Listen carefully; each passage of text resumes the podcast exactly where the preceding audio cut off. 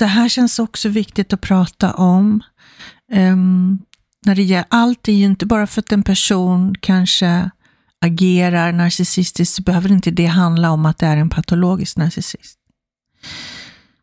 Uh, jag heter Helene Lilja och jag är healer, livscoach och ICT-terapeut. Det här med narcissism är ju väldigt aktuellt och det tycker jag är jättebra. Vi börjar bli medvetna om att de här människorna finns. Ehm, men det finns också, eh, förutom massa andra diagnoser som jag inte tänker gå in på, jag är inte läkare, men ehm, det finns ett försvarssystem som vi som barn har tillgång till. Vi har tillgång till fem försvarssystem. Jag kan ta dem väldigt kort, jag hade inte tänkt det, men jag gör det. Det första är rätten till sin existens. Och det är när vi då föds till den här världen och det inte är en varm, kärleksfull miljö. Vi känner oss inte hållna, trygga. Så, um, bland annat. Det finns mycket mer i det här och då kan vi ha en tendens till att antingen så ser vi eh, katastrofer överallt. Vi måste alltid ha hängslen och livrem, nödutgångar, reservplaner, du vet, säkerhet för allt. Eller så blir vi helt åt andra hållet, att vi upplever att vi inte behöver ha vara rädda om oss. Vi kan liksom, ja men du vet, utsätta oss för allt möjligt utan att ens vara rädd om, känna att jag är i fara. Eh, och det andra försvarssystemet är rätten till sina behov. Då har man inte fått tillräckligt det man behöver. Och eh, antingen så blir man då väldigt needy. Andra ska ge till mig det jag vill ha, det jag behöver. Det har inte samma värde om jag ger det till mig själv. Det är någon annan som ska ge det till mig. Eller också på andra sidan skalan, ja men jag har inga behov. Säg att du ska gå ut och äta med några vänner eller kollegor. Nej men bestäm dig. Ja, mig spelar det ingen roll. Så, liksom som att man, nej men man har ingen behov. Och så kan man också hoppa emellan de här skalen, liksom ytterligheterna så att säga. Och det tredje försvarssystemet, det är eh, rätten till sin identitet. Det är när man börjar uttrycka sig lite grann. Man kanske börjar rita och blir hånad. Man är jätteglad för det man har ritat, så blir man hånad av någon. Mycket skam i det här. Man har blivit invaderad. Man får liksom inte vara sig själv. Och som i trotsåldern, man börjar liksom trotsa, ge sig iväg lite längre bort, gå emot det föräldrarna säger eller mamma säger. Och så och vill man komma tillbaka till en trygg famn och vara liten så får man inte det.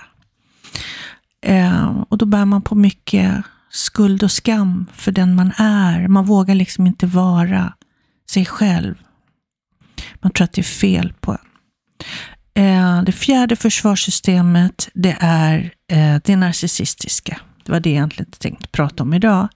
Och det är svekets sår. Du har blivit sviken väldigt många gånger i din uppväxt. Och när du då blir sviken Eh, där det här såret triggas, då agerar du som en narcissist. Eh, du förnedrar, vill trycka ner, eh, såra, skada, prata ihop det med andra om, om den här personen så att andra liksom också går emot den. Ehm, så. Och du liksom svag jag-känsla.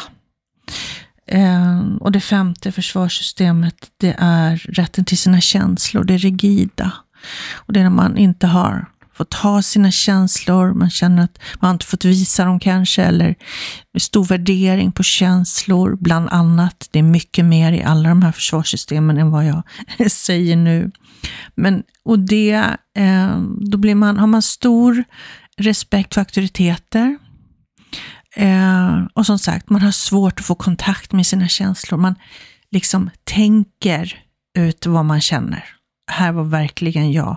Jag har fått jobba jättemycket mycket med det här. Jag fick liksom tänka ut vad jag kände. Det fanns inte en direkt kontakt. Ehm, på grund av att det var för smärtsamt med känslor. Eller de gjordes fel när jag växte upp.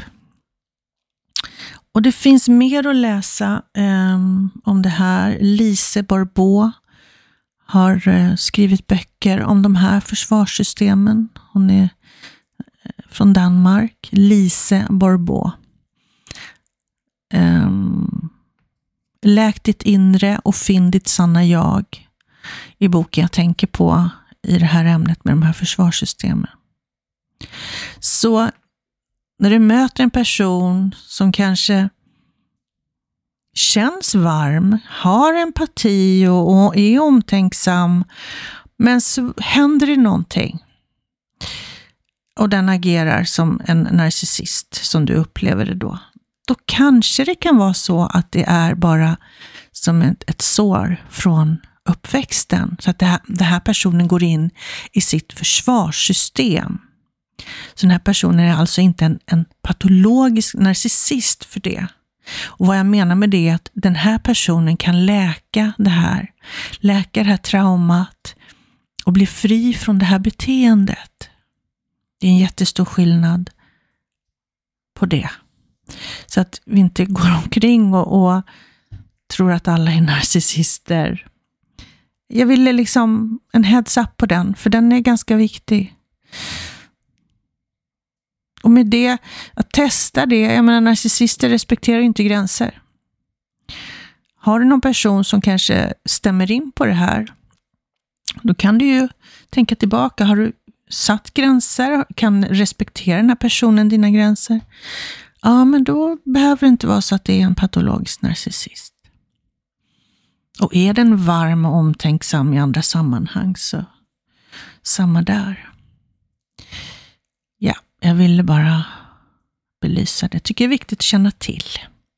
Som sagt, vill du fördjupa dig i ämnet, Lise Borbå.